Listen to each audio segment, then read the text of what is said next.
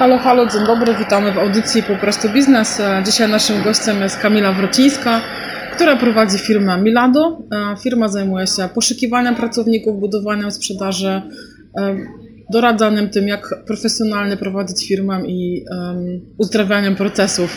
Dzień dobry, Kamilo. Witam, dzień dobry. E, To może powiedz nam, e, jaki ciekawy ostatni projekt robiliście, w czym pomogliście Waszym e, klientom? Oczywiście nie musisz zdradzać, kim byli, bo zakładam, że sobie tego nie życzą. Tak, rze- rzeczywiście klienci sobie tego nie życzą, natomiast ostatnie ciekawe projekty, no, przez które przechodzimy, to są projekty na takie najwyższe stanowiska menedżerskie i one wynikają z e, potrzeb rynku, która dzisiaj się pojawia i, jest związana z sukcesją, na, której, na etapie której jest wiele przedsiębiorstw. E, Co się wiąże z tym, że właściciele, którzy te firmy 20-30 lat temu zakładali, dzisiaj chcą się wycofać do rady nadzorczej, chcą bardziej opiekować się tą firmą i, i czerpać z niej zyski, a zatrudnić kogoś, kto będzie te firmy, e, tymi firmami zarządzał. Jest to chyba jedno z trudniejszych wyzwań, żeby zatrudnić i znaleźć komuś e, osobę, która będzie prowadziła firmę, którą ci właściciele cały czas traktują jak swoje własne dziecko. Czyli dobrze rozumiem, że teraz e, rodzice niechętnie przekazują firmę dzieciom, czy raczej e, to jest tak, że, że przekazują dzieciom, a potem szukają jakichś menadżerów, czy odwrotnie? To się zdarza często, że na przykład albo nie mają komu przekazać, albo te dzieci nie chcą tych firm e, prowadzić dalej. Jest- oczywiście cała, całe mnóstwo firm, które jest przekazywane z pokolenia na pokolenie i te dzieci są e, przygotowywane do tego, że będą firmę prowadzić i bardzo chętnie to robią. Natomiast jest duża rzesza firm, która, z którymi my się gdzieś spotykamy, e, która nie ma komu tego przekazać, bo albo dzie- dzieci nie chcą, albo rodzice nie chcą dzieciom tego przekazać i tak naprawdę zaczynają szukać osoby z zewnątrz. Okej, no dobrze. To jakby pytanie też e, dzisiaj, pamiętam, że zaczynaliście razem ze swoim mężem od rekrutacji, potem ta działalność się rozszerzyła. E, No ja się spotykam z taką tendencją, że przedsiębiorcy dzisiaj nie umieją znaleźć pracowników albo twierdzą, że ich nie ma. E, No i pytanie, jakie masz rady dla mikro i małych firm, bo generalnie o, tym, o tych mówimy. Korporacje pewnie mają mniejsze problemy. Prawda jest taka, że dzisiaj rzeczywiście jest bezrobocie na takim poziomie, w którym możemy powiedzieć, że prawie go nie ma. W związku z tym ludzi, którzy w aktywny sposób poszukują pracy jest coraz mniej. E, Nie na wszystkie stanowiska, ale rzeczywiście jest taka tendencja. Natomiast e, przedsiębiorcy bardzo często szukają jakiegoś wyidealizowanego obrazu i wy- wyidealizowanego profilu kandydata i pracownika, którego chcieliby zatrudnić. I chyba to, co jest najważniejsze, kiedy zaczyna się myśleć o tym, aby kogoś zatrudnić, to zastanowienie się, jakie kluczowe, takie absolutnie niezbędne kompetencje ta osoba powinna e, posiadać.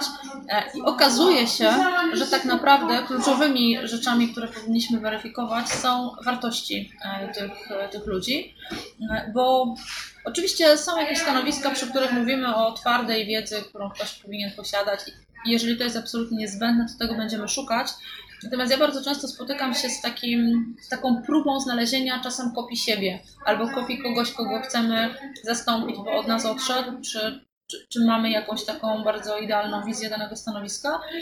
I szukamy idealnego profilu i szukamy kogoś, kto będzie miał i wiedzę, i doświadczenia, mm, dokładnie takie, jakie potrzebujemy. Jest to, trudno, jest to trudne do znalezienia, tylko że tak jak, tak jak mówimy, nie ma tych ludzi na rynku. Dlatego ja zalecam, polecam, aby zastanowić się nad takim absolutnym minimum, które ktoś musi spełniać. I e, powiedzieć sobie też, czy mnie stać na kogoś doświadczonego, e, czy jednak e, może warto, aby zatrudnić kogoś z mniejszym doświadczeniem, kto będzie nam zajmował trochę czasu na to, aby go wdrożyć, pochłonie też jakieś koszty, więc to jest też tak, że trochę jest dylemat, czy nas stać na kogoś doświadczonego, czy nas też stać na kogoś niedoświadczonego, no bo tą niedoświadczoną osobę też musimy przeszkolić i wdrożyć, E, ale mimo wszystko kluczowe, kluczowe rzeczy, którymi warto się kierować, to są, to są wartości, takie przekonania, to czy będzie nam się dobrze razem pracowało, czy nie, bo jeżeli mm, dochodzi do, do konfliktów, do tego, że pewne działania nie idą w tym kierunku, w którym powinny iść i,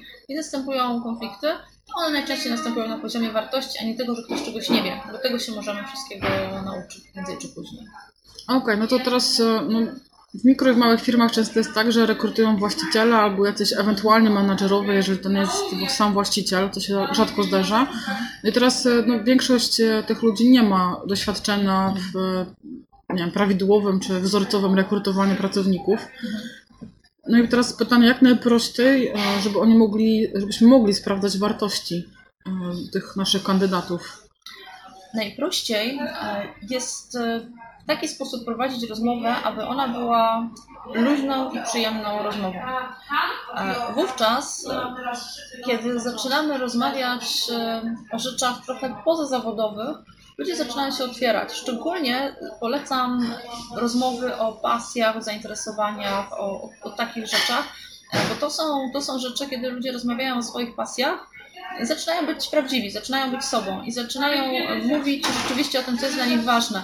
I tam w tych rozmowach przejawiają się takie rzeczy, które wskazują na to, jakimi wartościami się ci ludzie, ci ludzie kierują. Natomiast jest to trudne dla wielu osób i, rzeczywiście ja się z tym spotykam, ponieważ często ta rozmowa rekrutacyjna jest takim odhaczeniem, odpytaniem, e, zadaniem pytań z listy, którą ktoś ma przygotowaną. E, I to są często pytania takie, jakby pan to zrobił, czy tamto, silne, mocne strony, słabe e, i mocne strony, tego typu rzeczy, które, na które ludzie są przygotowani, na które czasami też dostajemy takie odpowiedzi, jakie chcielibyśmy usłyszeć i nie do końca są one jakby spójne z, z rzeczywistością i, i czasami w, w, rzeczywistej pracy, jak już ktoś przychodzi, e, no, następuje zderzenie z tą rzeczywistością, ale kiedy ta rozmowa zaczyna się od zainteresowań, zaczyna się od tego, co jest dla tych ludzi ważne, oni się otwierają, oni czasami pozwalają sobie na to, aby mm, powiedzieć coś więcej niż, niż odpowiedzieliby przy takim sztywnym zadawaniu pytań i, odpowiadaniu na te pytania. I to jest taki moment, kiedy gdy faktycznie buduje się ta relacja i też jesteśmy w stanie sobie powiedzieć, czy chcielibyśmy z tym kimś pracować, czy nie, czy nam się dobrze rozmawia, czy nie, no, czy po prostu najzwyczajniej w świecie się polubiliśmy w trakcie tej rozmowy, czy nie, no bo to jest e, dla mnie ważne kryterium, nie wyobrażam sobie zatrudnić kogoś, kogo nie polubiłam i, i kto nie, nie wzbudził jakiejś takiej sympatii. E, Okej, okay, no bo ja też spotykałam się kiedyś z takimi um, rekrutacjami na zasadzie łapanki trochę, mhm. czyli przychodzi sobie tam, nie wiem, pięć kandydatów, bo w ogóle przychodzi siedem CV, zapraszamy siedem osób, z czego trzy czy cztery osoby w ogóle przychodzą na rozmowę kwalifikacyjną i jak już przychodzą, to którakolwiek z nich decyduje się na to, żeby u tego pracodawcy pracować, to po prostu zatrudnia, y, zasłaniając się tym, że jakby nie ma wyboru, nie? Że, y, że tak to nie jest. No i teraz z Twojego doświadczenia, gdzie najczęściej takie osoby popełniają błędy? W braku takiej po pierwsze analizy tego, czego potrzebują, a po drugie w chęci szybkiego zatrudnienia, to co powiedziałaś, to niestety skutkuje tym, że o ile nie trafimy tak zwanym fuksem na kogoś, kto rzeczywiście się wpasuje, to co, co jest po prostu e, trafem, a nie jakąś, e, jakąś takim świadomym podjęciem decyzji, e, to tak naprawdę bardzo szybko się okazuje, że ten ktoś nie, nie sprawdza się już w pracy zawodowej i zaczynamy go po jakimś czasie zwalniać, co generuje jeszcze większe koszty niż to, gdybyśmy tego kogoś nie mieli przez ten, przez ten kwartał.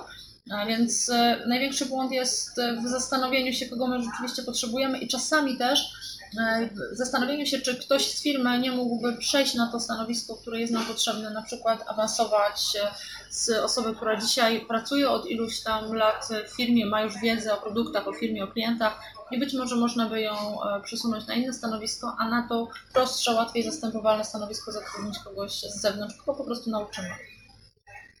Okej, okay, no to to jest jakby no, jasna, jasna sytuacja. Teraz też jest takie zderzenie początkujących przedsiębiorców, kiedy szukamy pierwszego, drugiego pracownika. Mhm. To po pierwsze jest ogromna niechęć do zatrudniania ludzi, bo mhm. musimy oddać im jakąś część swoich zadań i przecież my zawsze robimy to lepiej niż e, pracownik, a druga kwestia to są kwestie finansowe. Mhm. E, często mikroprzedsiębiorcy nie są w stanie zapłacić stawek rynkowych, czyli takich, które są powiedzmy uznane za średnie czy przeciętne. E, no i pytanie, jak szukać pracowników, kiedy no, realnie nie mamy rynkowego budżetu e, na osobę? Po pierwsze, zawsze można zacząć od e, pracy z osobami, które szukają praktyki staży. I to są osoby, które są w stanie, bo muszą te praktyki, te staże odbyć i, i chcą gdzieś nabyć doświadczenia. Jest to jakaś, jakieś wyjście, jest to jakaś możliwość. Zatrudnienie kogoś, kto nie ma jeszcze doświadczenia, a zaczyna swoją pierwszą, zaczyna szukać swojej pierwszej pracy, Jest to, też, jest to też pewnego rodzaju wyjście, żeby taką osobę zatrudnić, ale musimy mieć czas na to, żeby ją przeszkolić, bo największym problemem jest to, że przedsiębiorca, który chce zatrudnić pracownika, chce już kogoś gotowego, kto po prostu przyjdzie i będzie pracował, a z drugiej strony mówi, nie stać mnie na kogoś, kto dzisiaj jest na rynku dostępny i ma jakieś tam oczekiwania swoje, swoje zawodowe.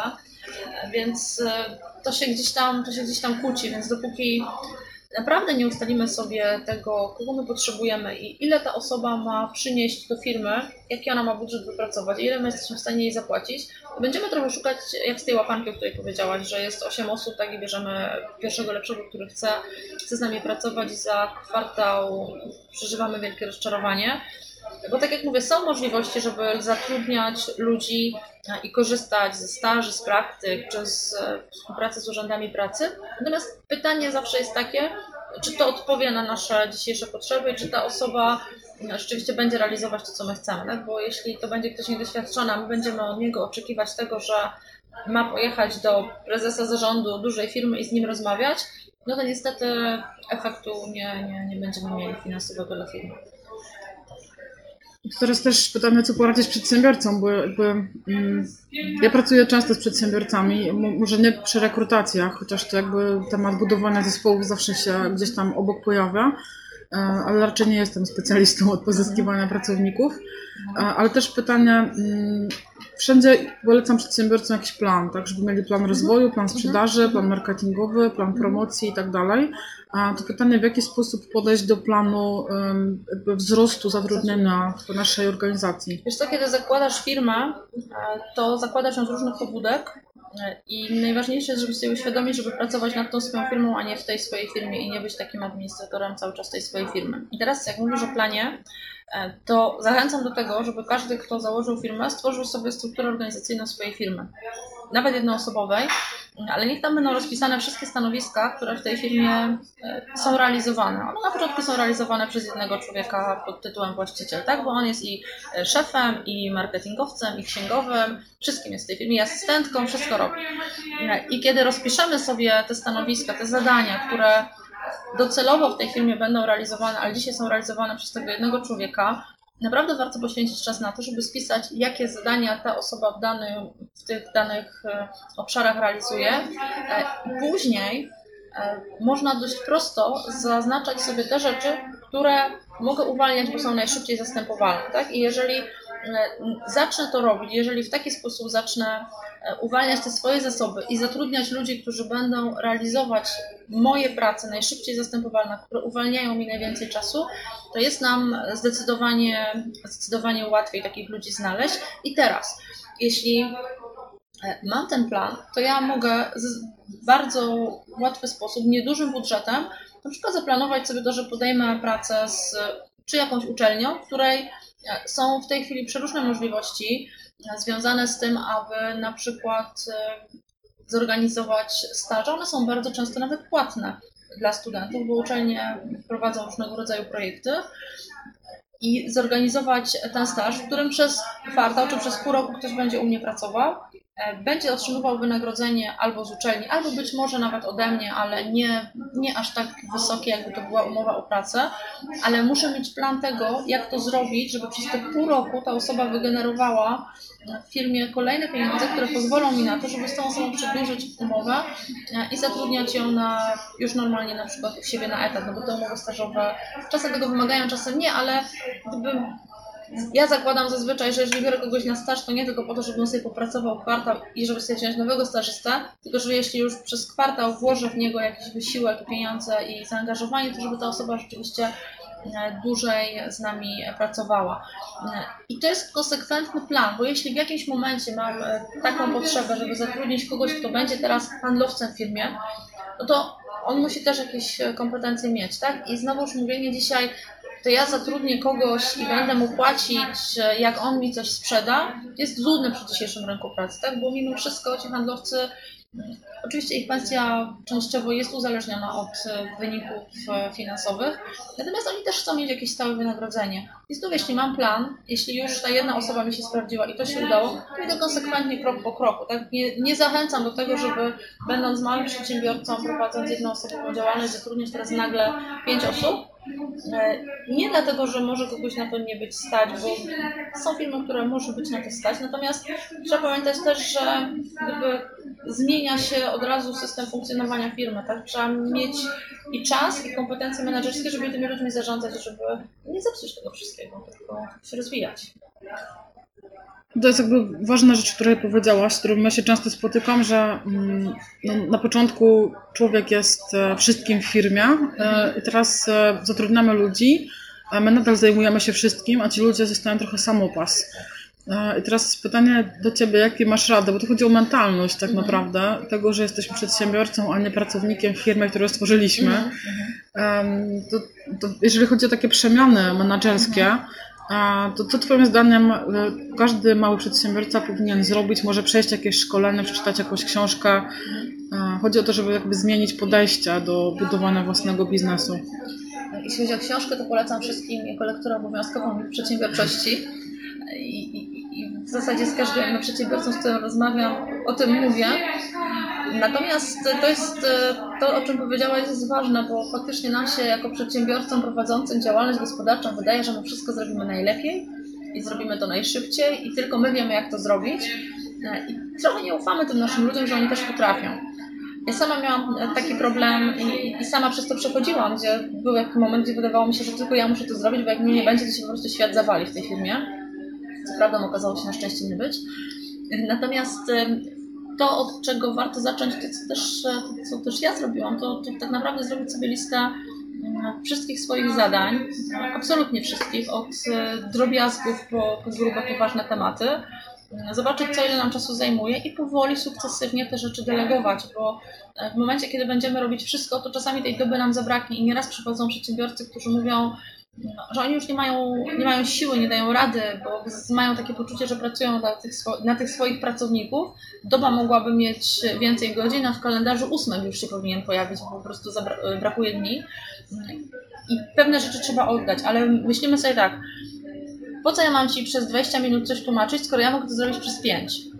I dopóki nie zaczniemy myśleć w taki sposób, że przez chwilę musimy trochę więcej popracować, żeby potem mieć więcej czasu, to, to nic się nie stanie i, i zacząć oddawać te rzeczy, których możemy się jak najszybciej pozbyć. To jest, to jest tak jak z tą strukturą, tak? Zaczynamy najpierw zatrudniać ludzi na najszybciej zastępowalne stanowisko, ale też zacznijmy jak najszybciej, jak już mamy ten zespół, delegować rzeczy, których nie musimy robić. I ja zawsze zachęcam do tego, żeby zrobić sobie listę tych rzeczy i zaznaczyć te, które mogę oddać. Oczywiście na początku okazuje się, że żadnych nie mogę oddać, ale z biegiem czasu z tej listy po kolei zaczynają różne rzeczy schodzić i ten czas, y, on się szybko wypełnia kolejnymi innymi zadaniami, które realizujemy, ale to jest ważne, żebyśmy tym naszym ludziom to delegowali, bo w ten sposób rozwijamy y, i powodujemy, że oni mają więcej wiedzy, umiejętności, są coraz bardziej zaangażowani, mogą robić kolejne zadania, realizować kolejne zadania, a my w ich miejsce wtedy jest nam łatwiej zrekrutować kogoś z rynku z mniejszym doświadczeniem za zdecydowanie mniejsze pieniądze niż szukalibyśmy kogoś na to wyższe stanowisko. Okej, okay, to jeszcze e, chciałabym Cię zapytać o książkę, bo dzisiaj mm. wspomniałaś o tym, że e, zamierzasz napisać książkę od dosyć dawna, ale już teraz podjęłaś decyzję, że to zrobisz. Mm. I pytanie, o kim to będzie, o kim, o czym to będzie książka i dla kogo? Oj, to zobowiązanie to już teraz będzie. tak, to będzie książka faktycznie od dłuższego czasu myślę o napisaniu książki dla przedsiębiorców, e, którym chcę pokazać, jak przejść przez proces rekrutacji, jak znaleźć, jak zabrać się w ogóle do, do, do szukania pracownika, jaki jest najlepszy moment e, w rozwoju firmy do tego, żeby to zrobić i jak się do tego zabrać, jak znajdować dzisiaj ludzi, jaka jest też rola kogoś, kto pełni w firmie rekru rolę rekrutera, a na początku w tych małych przedsiębiorstwach rekruterem jest e, właściciel firmy. Jak, jaka jest jego rola, jakie on powinien e, spełniać, może nie tyle wymagania i kryteria, ale chcę pokazać, że dzisiaj rekruter jest też sprzedawcą i pełni w jakiś sposób e, taką rolę. I chciałabym też pokazać coś, co jest dopełnieniem procesu rekrutacji, bo to, że my kogoś zatrudnimy, to jest na razie połowa sukcesu, a może i mniej niż połowa. E, drugą częścią tego sukcesu jest e, to, żeby tego kogoś dobrze wdrożyć, e, żeby tą osobę dobrze przygotować, planować jej pracę, w taki sposób ją wdrożyć, żeby ona w tej firmie rzeczywiście została i rozwijała się z tą firmą dalej. I dopiero wtedy, kiedy możemy powiedzieć sobie po okresie próbnym, że przedłużamy umowę, że jesteśmy zadowoleni, że ten ktoś faktycznie się sprawdził i się rozwija, to to jest moment, w którym możemy sobie powiedzieć, że rekrutacja jest sukcesem i zatrudniliśmy dobrze. I o tym procesie chciałabym opis, opowiedzieć i napisać, dlatego że stykając się na co dzień z tymi procesami rekrutacji w przedsiębiorstwach, ja widzę ogromne problemy raz, że w samym poprowadzeniu rozmów, w przygotowaniu do tych rekrutacji. Czasami jest tak, że mówimy sobie, że nie ma tych ludzi na rynku i jak już ktoś jest, to zaczynamy go traktować w niewłaściwy sposób e, do dzisiejszej sytuacji na rynku pracy, ale też nie budujemy wizerunku pracodawcy poprzez ten proces rekrutacji, takiego pozytywnego wizerunku pracodawcy. To tak e, szeroko, ale też ogólnie na temat tego, co się tam znajdzie i pojawi. Okej, okay, no dobrze. To pytanie takie na koniec, ostatnie właściwie. E, jak miałabyś w kilku zdaniach powiedzieć, jak podejść w dzisiejszej dobie braku pracowników na rynku do rekrutacji, takie jakieś trzy złote zasady, mhm. to co byś poradziła naszym słuchaczom? Trzy złote zasady. Myślę, że przede wszystkim najpierw rozwijanie też ludzi u siebie wewnątrz firmy. E, po drugie, szukanie takich osób, które są spójne z naszymi wartościami firmy, bo tylko z nimi możemy, możemy budować sukces. E, I po trzecie, dbanie cały czas o to, aby siebie jako przedsiębiorcę i swoją firmę jako, jako pracodawcę e, budować, e, budować ten wizerunek na rynku, bo to są, to są niezbędne rzeczy. Dzisiaj musimy się skupić na tym, żeby ludzie chcieli z nami rozmawiać, a dopiero później możemy mówić o weryfikacji ich kompetencji. I kiedy zadbamy o wizerunek firmy, o wizerunek nasz jako, jako pracodawcy, o to, jakimi wartościami się kierujemy i w taki sposób też będziemy dobierać ludzi, myślę, że będzie nam łatwiej przyciągnąć tych, którzy będą chcieli z nami rozmawiać i będą chcieli po prostu u nas e, pracować i będzie to dla nich pewną no, wartością, że pracują w naszej firmie i mogą ją z nami rozwijać. Kamilo, bardzo Ci dziękuję za cenne wskazówki bardzo i uwagi odnośnie rekrutacji. No i mam nadzieję, że do usłyszenia w momencie, jak już książka będzie na rynku, na pewno e, chętnie przekażemy to, e, tą informację do, do naszych słuchaczy. Dziękuję bardzo. Bardzo dziękuję. Do usłyszenia.